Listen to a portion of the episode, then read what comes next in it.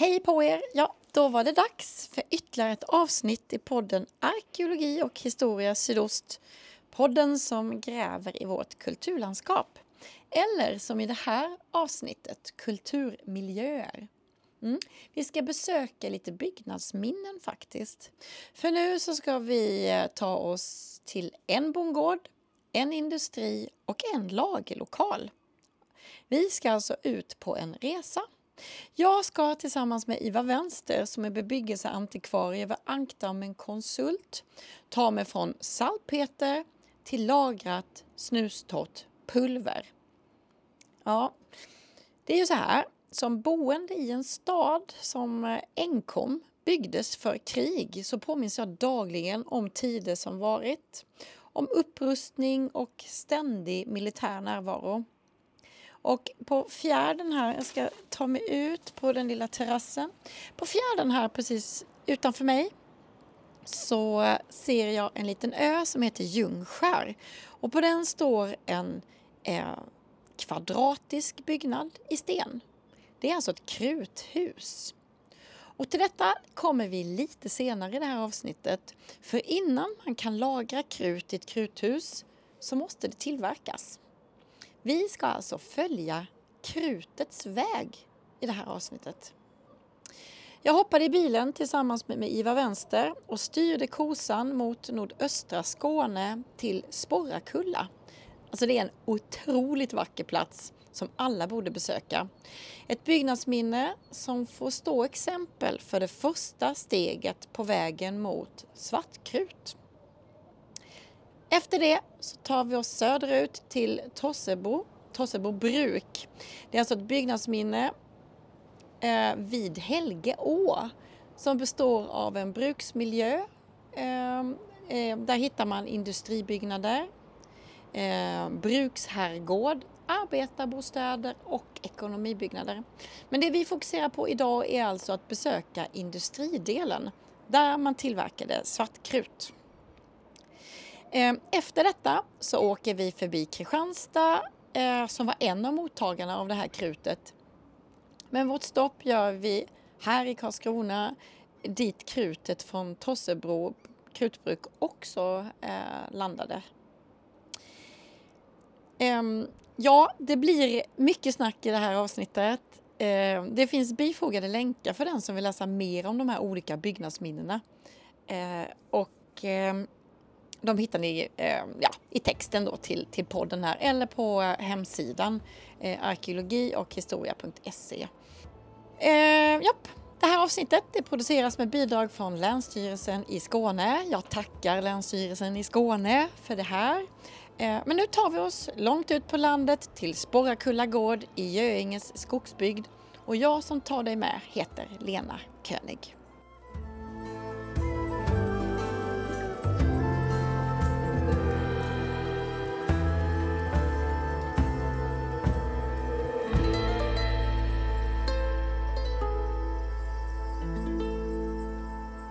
Iva Vänster har dragit ut mig i skogen. Långt. Vi har åkt långt. Vad ska det handla om idag? Idag ska vi prata om eh, någonting som är ganska bortglömt. Eh, upphovet till detta är ju egentligen en, eh, en väldigt stor förändring som sker i hela det europeiska samhället. Är när man börjar använda krut i krigföringen och börjar eh, utrusta sina arméer med eh, stycken, det vill säga kanoner och så småningom också musköter och eh, gevär. Eh, en, eh, kommer att ta, det tar ganska lång tid egentligen. Man, man brukar säga att det här går tillbaka till eh, turkarnas eh, anfall emot Konstantinopel och sådär. Alltså det är långt tillbaka. Men, och, och, det är självklart så att eh, alltså, kunskapen om, om krutet och så, det, det kommer från Kina och har varit känt i tusentals år egentligen. Men, men till Europa kommer det under 1400-talet, eh, sådär lite försiktigt. Eh, och kanske framförallt under 1500-talet som det blir eh, en, en, någonting som ändrar egentligen hela sättet att bedriva krig. Ja, Uh, och det är uh, lite det vi ska prata om. Inte så mycket om krig, Nej. men just problem eller det här med att hur tillverkade vi krutet i Sverige? Mm. Och uh, vi kommer väl att röra oss, inte så mycket i 1500-talet, men 1600 och 1700-talet. Ja. I alla fall och kanske till och med fram på 1900-talet. I, i, så det var tanken. Följa krutets väg, Krutets tror jag vi väg. kallar Ja. avsnittet va?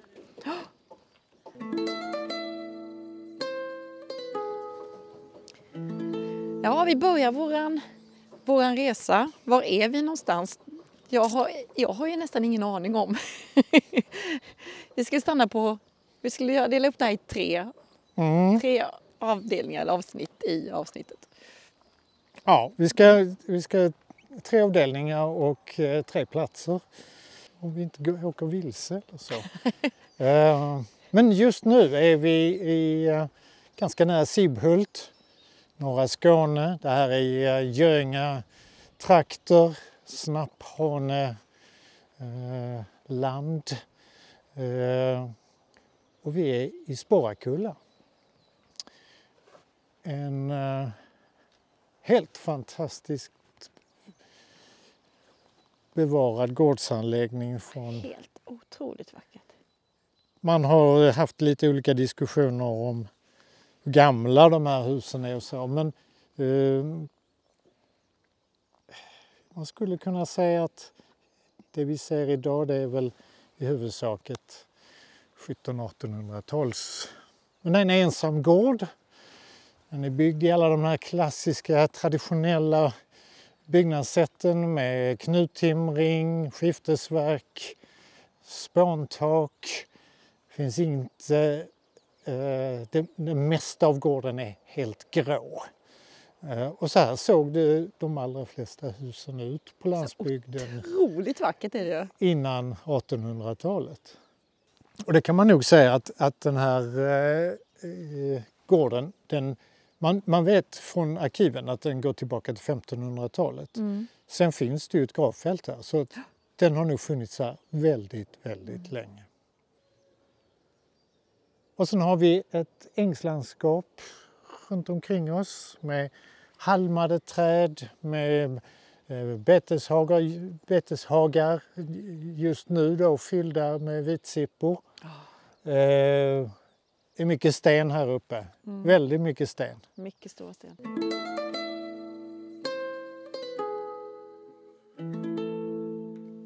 Varför har du tagit hit mig? Ja, Vad har precis. detta med krutet att göra? Nu ska vi gå in på gården. Innergården. Oj, oj, oj.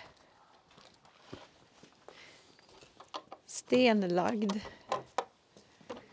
Ja, nu går vi in genom ladan. Den är, det är en kring, kringbyggd gård, men den är inte helt sluten. Och vi är här för att prata om salpeter. Det är det som behövs, ja. Den viktigaste ingrediensen för ehm, att kunna framställa krut. Krut består ju av tre ingredienser normalt sett, brukar man prata om. Kol, svavel och salpeter. Och är det svartkrut, säger man så? Vi säger svartkrut. Ja. Svartkrut. Det är egentligen en, allt krut Allt krut. fram till 1800-talet var svartkrut. Ja. Ehm, och det här var eh, för, för Sverige och även för Danmark så var det här ett... Nu ska vi ju tänka oss att när vi pratar om 1500-tal Mm. så är det här Danmark. Just det. Eh, så eh, vi, anledningen till att vi är här det är ju framförallt det som händer under 1600 och 1700-talet. Eh, Så vi får väl liksom tänka oss tillbaka. Och det, då är det ju här en, en bondgård, en Mm. ganska stor bondgård. Mm. Eh, med eh, åkerbruk, ängsbruk, säkert kanske också fiske till viss del. Också naturligtvis djurhållning. Mm. Man hade hästar, man hade kor, man hade får och grisar. Och vi har ju flera byggnader här som är stallbyggnader. Både på ena sidan och, och eh, kombinationsbyggnaden där borta. Mm. Eh, och då var det så här, för att utvinna salpeter. Mm. Det, det, är, det är ett konstigt ämne eh, egentligen. Ja men salpeter, vadå Peter? Ja. Eh, och det kommer alltså från, eh, det är sån där latini, från latinet då. Alltså sa, sal som är då salt Mm.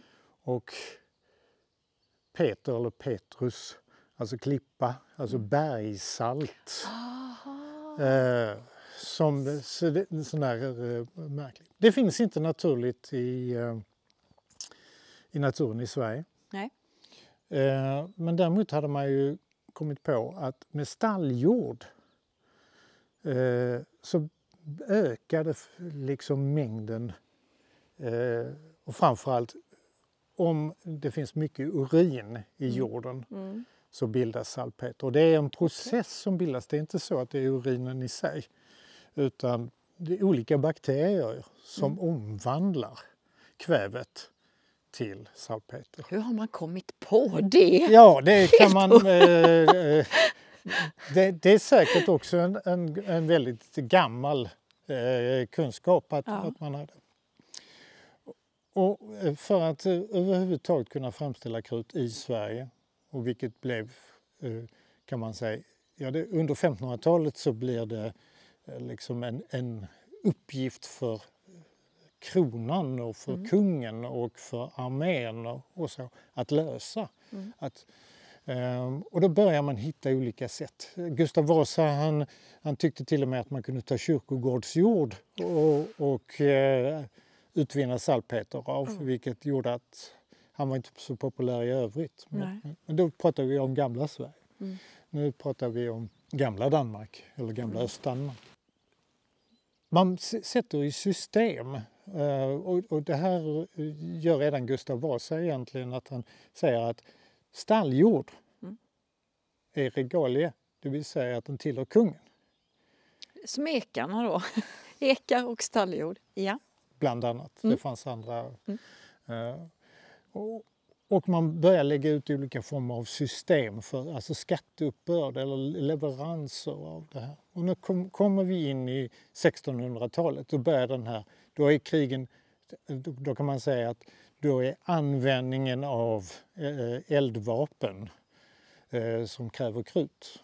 Eh, det blir rejält mycket, mycket, mycket större. Det fanns enormt behov av inte minst salpeter. Och då börjar man äh, både att eh, som skatteuppbörd men man börjar också inrätta salpeterskjuterikompanier.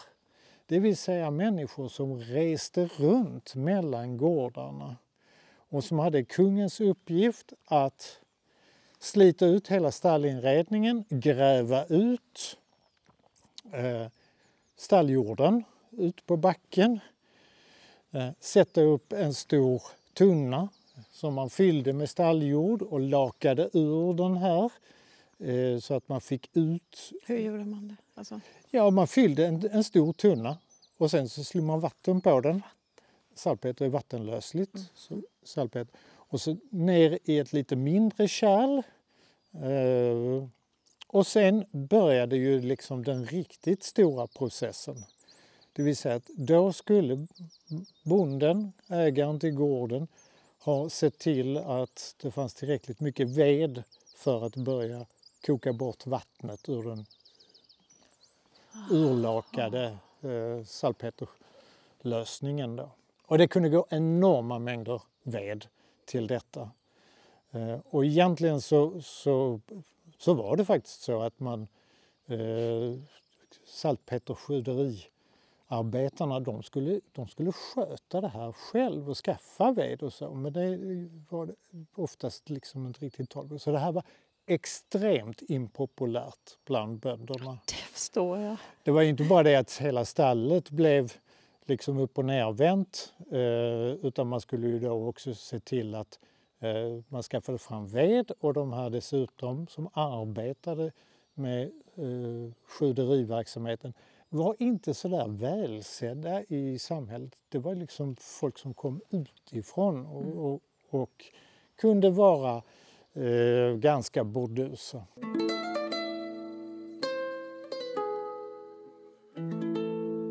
Alltså saltpeterframställningen, de var väldigt skickliga på detta i Småland. Mm -hmm. Och när sen så småningom Skåne blir svenskt och försvenskningsprocessen under det sena 1600-talet, då importerar man också eh, småländska skjudare eh, till Skåne. Så de härjade här också. Ah. I, och de hade ju ofta, alltså de reste ju runt. Mm. Eh, eh och de hade ju då en, eh, dels ett kärl för urlakning eh, men också den här stora kopparkitteln som de släpade med sig och den där kunde väga liksom åtskilliga, så den, den var alltså kanske kubikmeter eller det var en jättestor Oj, kopparkittel. Ja. Och den ägdes ju då, det var ju liksom en stor värdefull eh, detalj liksom, eller ett verktyg. Mm, mm. Eh, och jag, eh, jag kan inte lova att eh, de där skjuterikompanierna kom till Sporrakulla men, men onekligen så levererade Sporrakulla och den Eh, med, med sin stalljord levererade som en skatt eller att de upplät åt skjudarna att komma hit. Mm. För man kunde också då eh, eh, erbjuda, och det här är lite olika under olika tider, alltså vi, men, men, i princip så kan man säga att den här regalie, den, den kommer gälla fram till 1806. Mm. Eh, och sen övergår den mer till en skatt och man kunde också tillverka salpetern själv här och använda ah. salpetern. Så man gjorde den här processen själv. själv. Och då, slapp man de där. då slapp man de där gubbarna. vart sjätte, vart sjunde år eh, ansågs eh, vara bra. Eh, att, eh, och det var väldigt viktigt. Alltså skulle, skulle gödslet ligga ja. kvar då? Alltså ja. fy! Eh, ja, stalljorden. Gös, utgödslingen, utgödslingen. För ju ja. mer gödsel det fanns desto sämre blev salpetern. Ah, ja, ja. Så det är jorden i och sen måste de fylla på ny jord? Sen, sen måste de fylla på ny jord och... Eh, nu fattar ju jag. Aha. och man vet ju, det kan man ju själv tänka sig att det, det, finns ett sätt att testa det här enligt eh, vissa sådana testmetoder om det mm. var liksom tillräckligt mycket salpeter. Aha. Vet du hur man gjorde det? Nej. Nej. Ja, man, man tog, en, uh, tog en näve stalljord och mm. sen så, så stoppade man den i munnen och var den då liksom lite sträv och, och uh, så, då var det färdigt. Och kan jag tänka hur luttrade de där var, ja. de som reste runt när de gick in och, och rafsade till. Det fanns ju, det fanns ju, alltså det finns gott om exempel från, från, från andra håll eh, i landet. Alltså att det här var ju också en del av, av de eh, straffarbeten som kunde mm, förekomma. Alltså det fanns saltpeterskjuderi eh, liksom, som var kronofskjuderier då, mm. där straffångar fick arbeta och man, man brukar säga att de, de som höll på med det här de, de fick ju en massa brännskador och eh, hudåkommor eh, av att arbeta. Och det är ett ganska frätt, eller det är inte sådär jättebra att få det på huden och så. Så man brukade kunna känna igen de där salpeterskjudarna. Ja. Jaha, nu har du och jag då samlat på oss salpeter helt enkelt här. Vad nu har händer vi, sen då? Nu har vi fått råsalpeter. Råsalpeter? Ja. Sen, ett av de stora bekymren, och det är ju, då pratar vi svenskt 1700-tal, mm. Eh, så är det ju eh, att man börjar bli rädd att den svenska skogen ska ta slut. Jaha. Det, var en, det orsakade väldigt mycket bry för, för kronan och, eh, och det var ju så, Sverige var extremt beroende av sitt bergsbruk och där gick det enorma mängder ved Mm. till bergsbruket. Och då andra verksamheter som krävde väldigt mycket ved började man att hitta, försöka hitta andra lösningar. Så därför finns det till exempel då salpeterskjuteri eller salpeterlador Mm. som man börjar bygga Eh, där man eh, egentligen eh, försöker då att torka ut salpetern, inte med ved utan med luft, alltså att torka.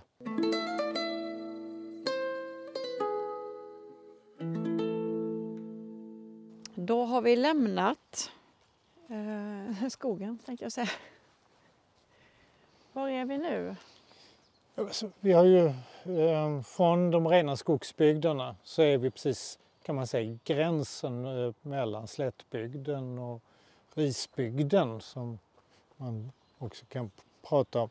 Mm, Men vi är framförallt vid Helgeå. Helgeå. ja. Den stora eh, ån som rinner eh, uppifrån eh, Kronoberg och eh, ner, eh, inte till Åhus nu för tiden utan till Yngsjö. Och här plockade man ju ut, här, här var ju, har man ju använt vattenkraften sedan lång tid tillbaka, Mm. inte minst till mjölkkvarnar.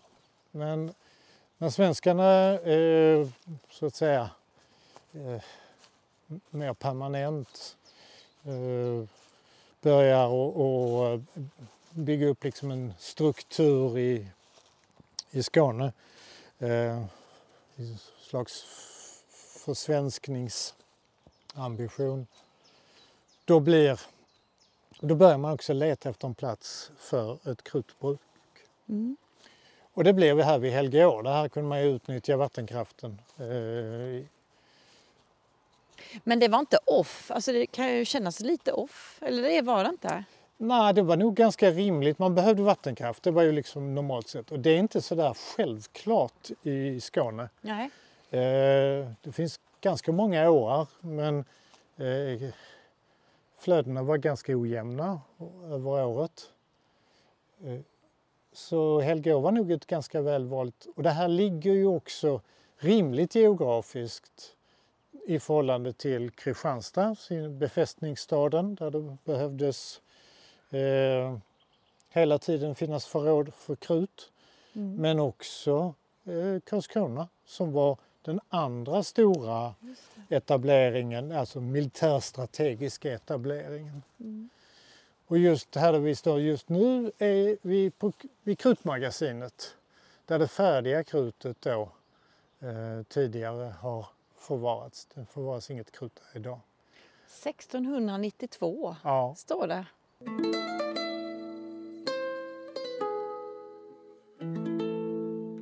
Men vem, vem byggde detta här? Det här byggs då egentligen av kronan. Eh, och sen så har man lite olika förvaltarsprinciper eh, principer för det här. Alltså delvis så, så småningom kommer detta att privatiseras. Eh, men det här var ju livsnödvändigt för den svenska flottan och den svenska armén. Mm. Eh, för att hålla Skåne, Blekinge och Halland.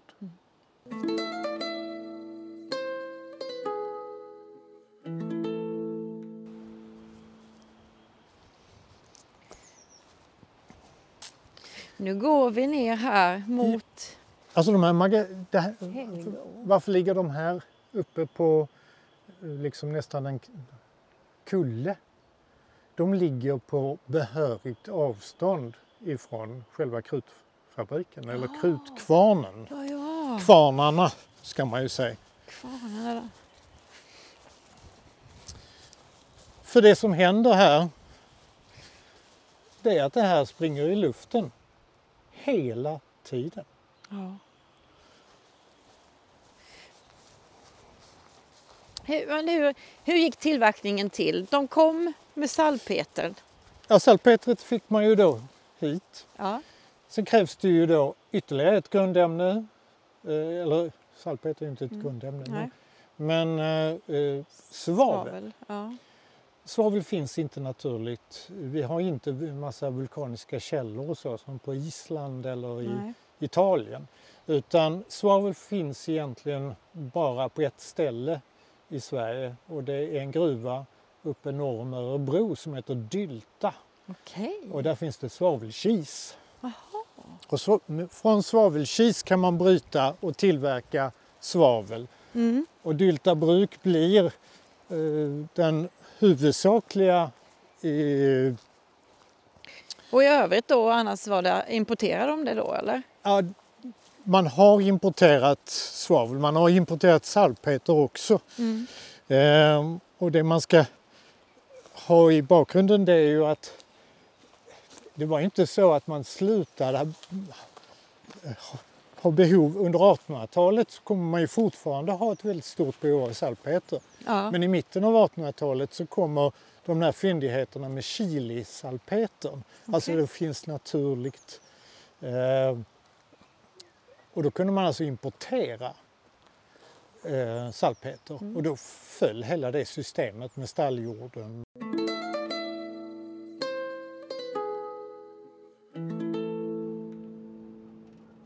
Jag vill bara sticka emellan. Eh, när jag sitter och klipper detta så hör jag att, att vi eh, inte har sagt att vi är Tossebo. Och hur ska ni förstå eh, hur det ser ut? Det är alltså så här att vi har gått uppifrån magasinen som ligger på en höjd ner som i en liten dal ner mot Helgå.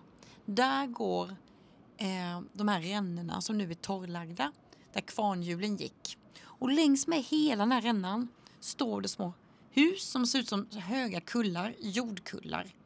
Det är alltså, vad ska jag säga, sprängskydd. För det är mellan dem som verkstäderna har legat som inte man kan se idag. Så att det är kullar för att om det skulle smälla. Och däremellan verkstäderna. Så, nu fortsätter vi.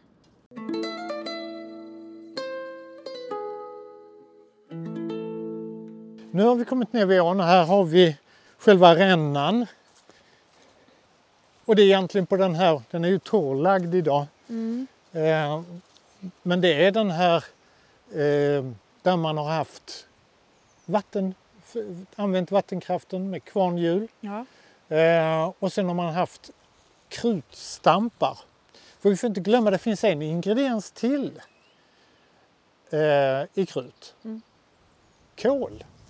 Ja. Träkol. Träkol. Och träkolen, just det, var- det var också en sån där känslig eh, vara. Eh, man hade normalt sett tyck, så, så ville man plocka fram eh, när man gö- gör svart krut så ville man ha ett så rent eh, träkol som möjligt. Mm. Och alved var det som, även brakved eh, var en sån där, eh, men al.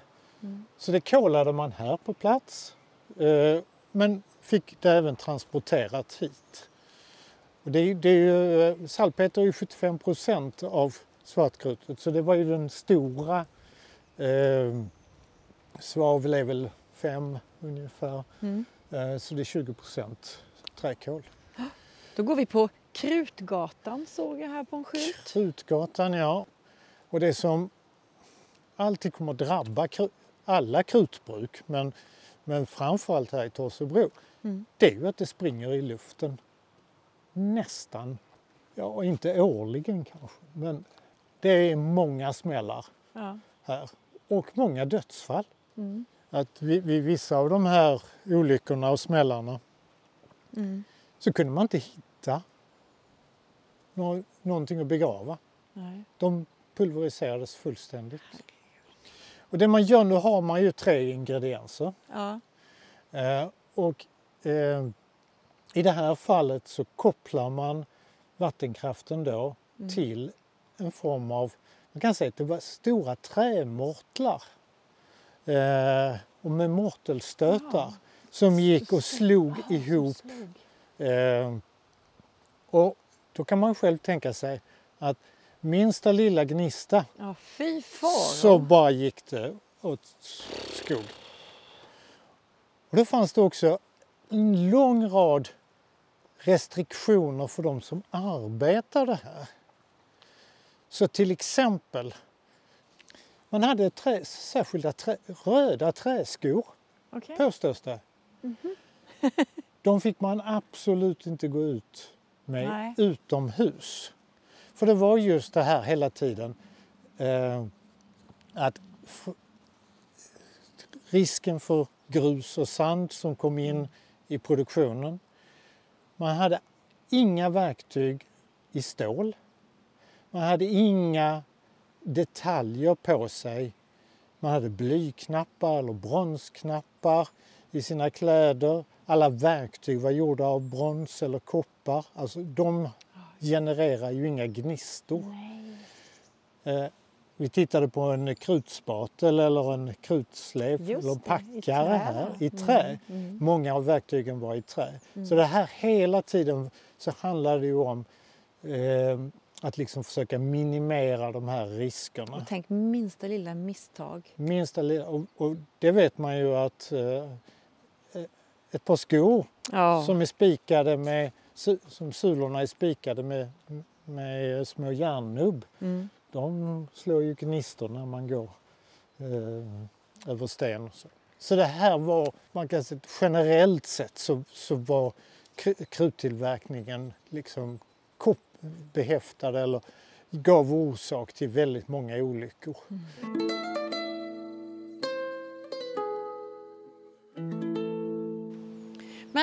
när man då har gjort själva krutet, Ja. gjorde de resten av tillverkningen, om man då skulle göra kanonkul och så, gjorde man, gjorde man det här eller sen forslar man krutet någonstans? Ja, alltså det, man, man hade lite olika typer av tillverkning men ofta gjorde man kakor av okej.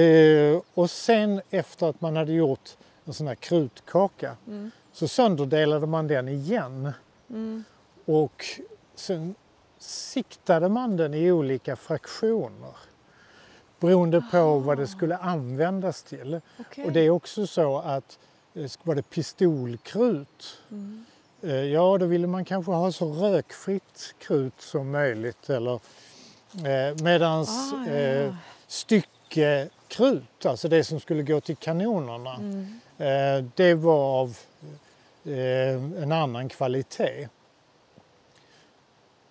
Och det här provades ju hela tiden. Alltså man hade krutproberare, alltså krutprovare, eh, som provsköt små... eh, eh, mörsare och kanoner och sånt där. Mm. Eh, för att liksom eh, eh, eh, ja, för att, för att veta, för det här var ju liksom, det här var ju avgörande inför ett stort sjöslag eller ett fältslag. Ja. Eh, så var ju, man var absolut, man var helt liksom beroende av det där. Mm. Och ja, 1600-talet är ju det, den, liksom den stora år, år, århundradet. Vi har dels de väldigt stora krigen. Eh, men det är också, eh, det är också då som, som man också inser liksom sårbarheten. Mm. I de gamla arméerna där, där kunde man liksom, man hade liksom andra saker att förlita sig på. Eh, men eh, artilleriet kommer att bli liksom den riktigt, riktigt avgörande delen i huruvida ett fälttåg lyckades eller ej.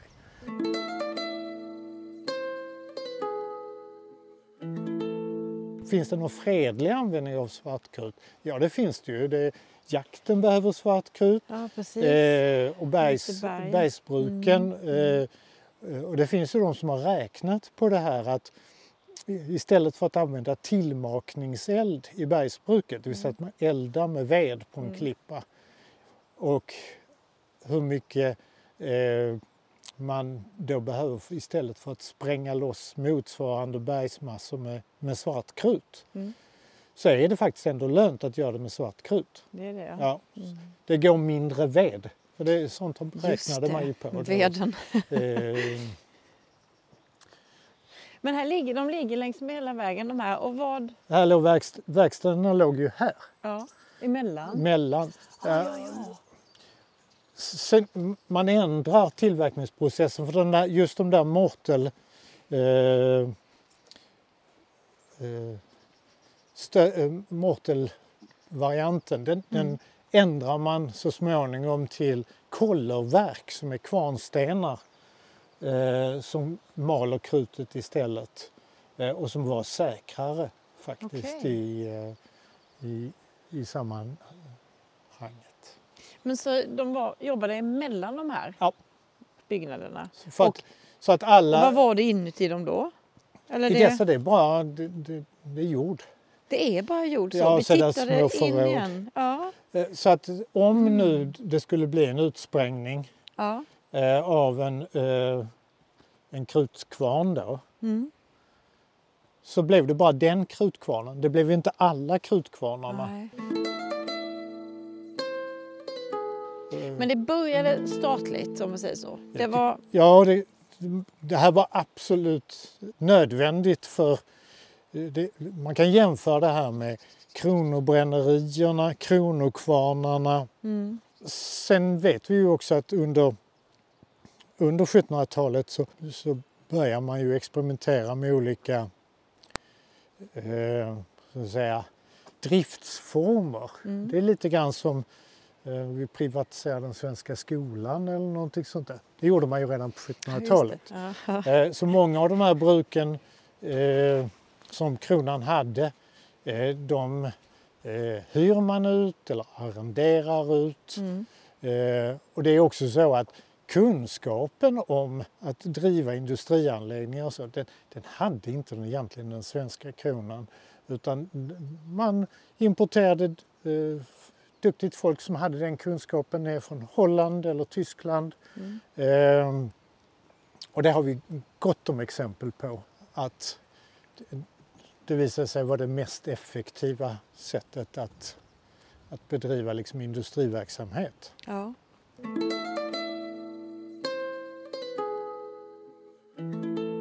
Men hur det re- rent såg ut här under, kan vi säga, 1720-talet eller så, det vet vi faktiskt inte riktigt. Nej. För det som vi ser idag det är egentligen ett sent 1800-talsbruk. Eh, Men vi har kruthusen uppe på backen Ja. eh, och eh, vi hör ju Helgeå brusa Mm. förbi så det är fortfarande Men hur förknippat med Tossebo är det här egentligen? med Ja, alltså själva krutbruket. Är det det som är... det, det är det som, som är Torsebro. Mm. Från sitt, eh, så den, den eh, alltså här arbetade, eh, det här var en stor industri. Mm. S- Sen fanns det naturligtvis annat här också, alltså ett annat näringsliv i, eh, Vet man hur många som har jobbat här? Under... Det har varierat väldigt mellan... Eh, man rationaliserar, inte minst när man börjar med kolloverken. Mm. Alltså de här roterande eh, bronsbelagda eh, träskivor. Eh, då minskade ju behovet också av det här med att man har de här små mortlarna. Ja, ja. Eh, Men tänk att vinka av sin, sin man eller son varje dag och veta var de skulle någonstans. Sen är det klart att arbetsplatsolyckor under 1600 och 1700-talet, det, alltså det var nog många verksamheter som, som var Ja, farliga. ja, gud. Eh, Men, eh, men det var ju lite poängen med krut, att det Ja. skulle vara farligt. Ja, precis. Eh, Men tänk vad människan har lagt ner alltså energi och pengar och så för detta att kriga, att ta över, att utvidga. Ja. Mera, mera, mera, mera. Det är helt otroligt. Och det har inte ens slutat, de bara fortsätter. Ja. Varje dag bara kablas det.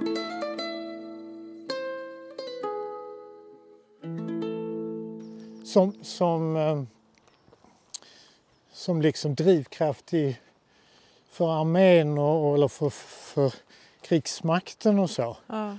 så, så spelar ju det här ut sin roll egentligen i början av 1900-talet. Kom, mm. Man kommer ihåg, det finns ju fortfarande krut som behövs. Eh, men, men det, är liksom, det ersätts ju av ja, först nitroglycerin och så småningom av dynamiten. Mm. Eh, och, och tretyl och trotyl och alla de här eh, andra sprängmedlen som eh, dyker upp. Men det är ju en, eh, ja, en idyllisk på sätt och vis plats idag men den har ju ett, ett ganska mörkt och dystert förflutet. Eh, både som plats eh, men också naturligtvis vad det var man tillverkade. Men det här är alltså, detta är byggnadsminne i alla, ja. det är alla tillhörande byggnaderna? Ja. Och är det något, man får komma hit och titta? Ja, det är öppet och, och, eh, och det är en väldigt fin plats. Eh, Otroligt vackert. Inte minst eh, sommartid och så, eller på mm. våren. Och vi är ju helt ensamma. Mm. Ja, man ser. Det är nog många med hund som har varit ute och promenerat Så är det nog. Mm. Men du, innan vi bara lämnar. Mm. Om man kommer hit och man besöker den mm. här platsen. Hur, hur, tycker du att man ska, kan man ta sig an det eller hur ska man tänka? Ja, dels är det ju det är ett, ett, område som är ganska välskyltat. Det finns väldigt mm. mycket information på mm. platsen. Mm. Och eh, ganska moderna skyltar och så. Så att det, på det viset är det ganska lättillgängligt. Man får mm. ganska bra grepp över vad det är. Eh, och sen är det ju bara liksom att eh, följa med, lyssna på Helge Å mm. eh, som brusar liksom nedanför. Mm. Eh, Hur lät det då tror du? Ja, alltså när krutkvarnarna gick för fullt eh, så var det nog ganska mycket oväsen.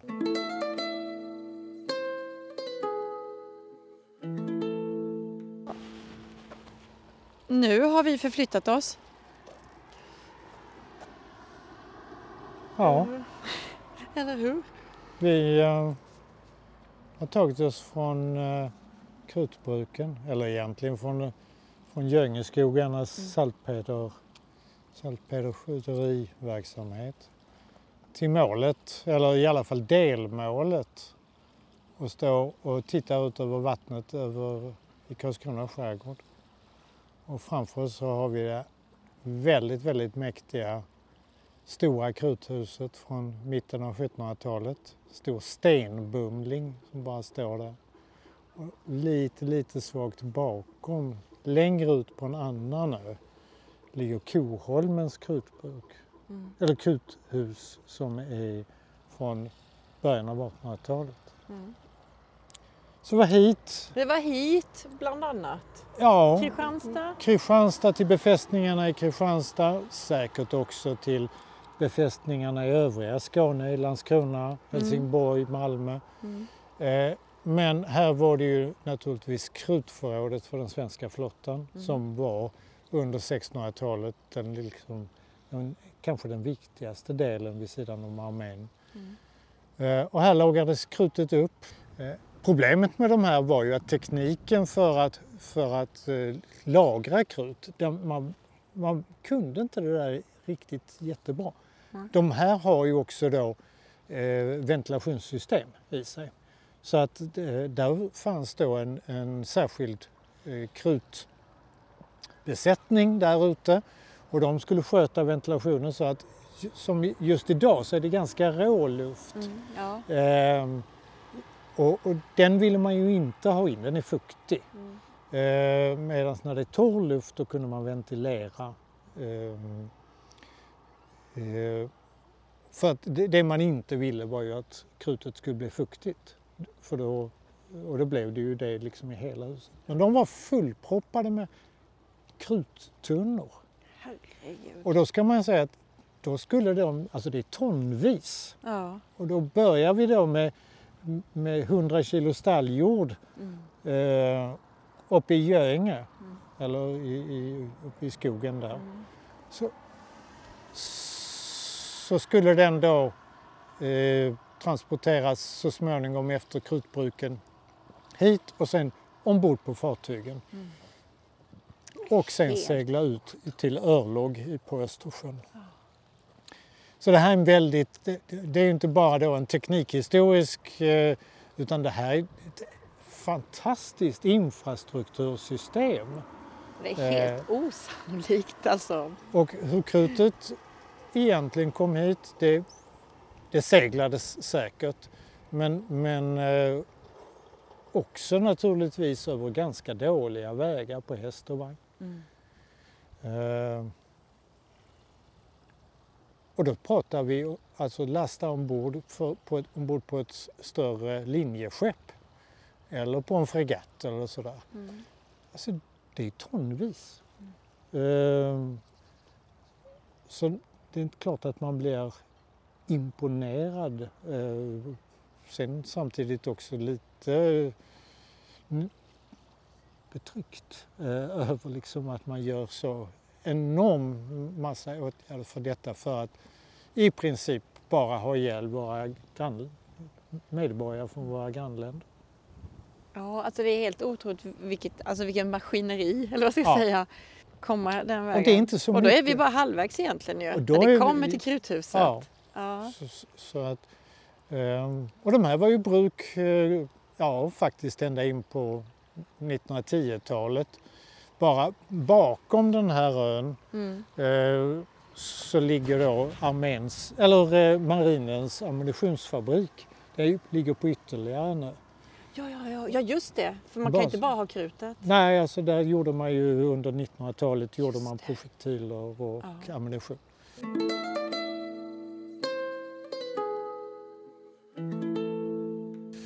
Eh, Men, men om vi då bara backar. När det då begav sig och de körde hit krutet, då hade man ju krutet. Men var det, var gjordes alla kanonkulor och sånt? Alltså, Är det, kanonerna, det är någon annanstans? Det görs någon annanstans. Mm. Så egentligen skulle man kunna gjort samma, samma historia när det gäller styckena, det vill säga kanonrören. Mm, mm, Eh, De gjordes framförallt i Åkers men också uppe i Bergslagen. mm. Eh, Kanonkulorna. Ja. Eh, Och sen finns det ju då bara på en annan ö som ligger över där som heter Stumholmen.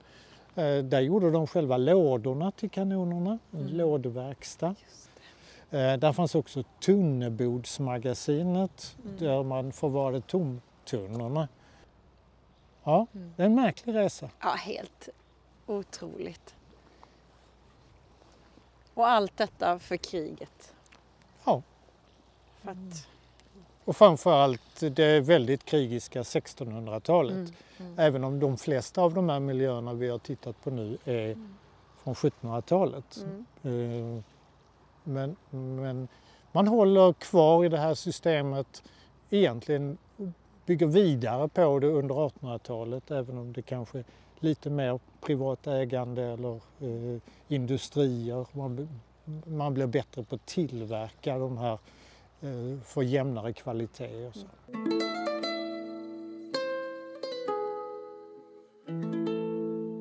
Du, Allt har ju varit byggnadsminnen vi har kollat på nu. Ja. Varför är det viktigt att vi, att vi Ja. tar hand om de här?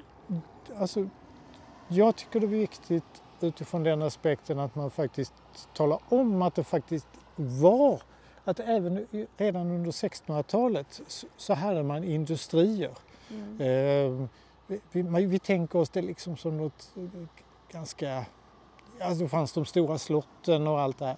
Men förutsättningen för de stora slotten, Stockholms slott till exempel, eh, och så, var ju just den krigföring som eh, vi svenskar som skapade liksom det svenska stormaktsväldet.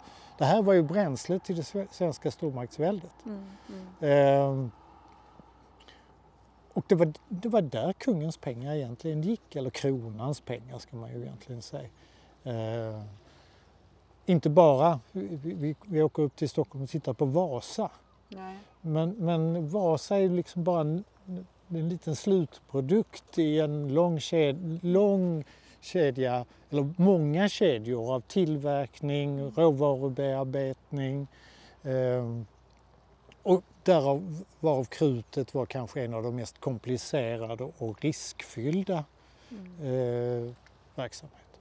Så det är nog viktigt att det är byggnadsminne. Eh, tillsammans med något gammalt folkskolehus och något fattighus och någon bondgård och så. Som, eh, Ja, men det är jättekonstigt när man står och tittar på den här stora byggnaden och då är det från den lilla kossan i nordöstra Skåne. Som pinkade. exempel, Som kissade lite. ja, eller hästen. Ja, eller häst eller en gris. Men, Det var, Men- det, tydligen var det så att det var lite kvalitetsskillnad på vilket djur det var. jaha, Jag kommer inte riktigt ihåg vilket som... Jag tror häst det var säkert häst. Ja, jag tror det faktiskt är hästen som... Eh, Ja. ja, tack för den här resan. Skithäftigt, verkligen. Ja. Ja, vi får väl se. Vi kanske tar oss an någon annan Ja. konstig resa framöver. ont krut för gös. Mm, mm.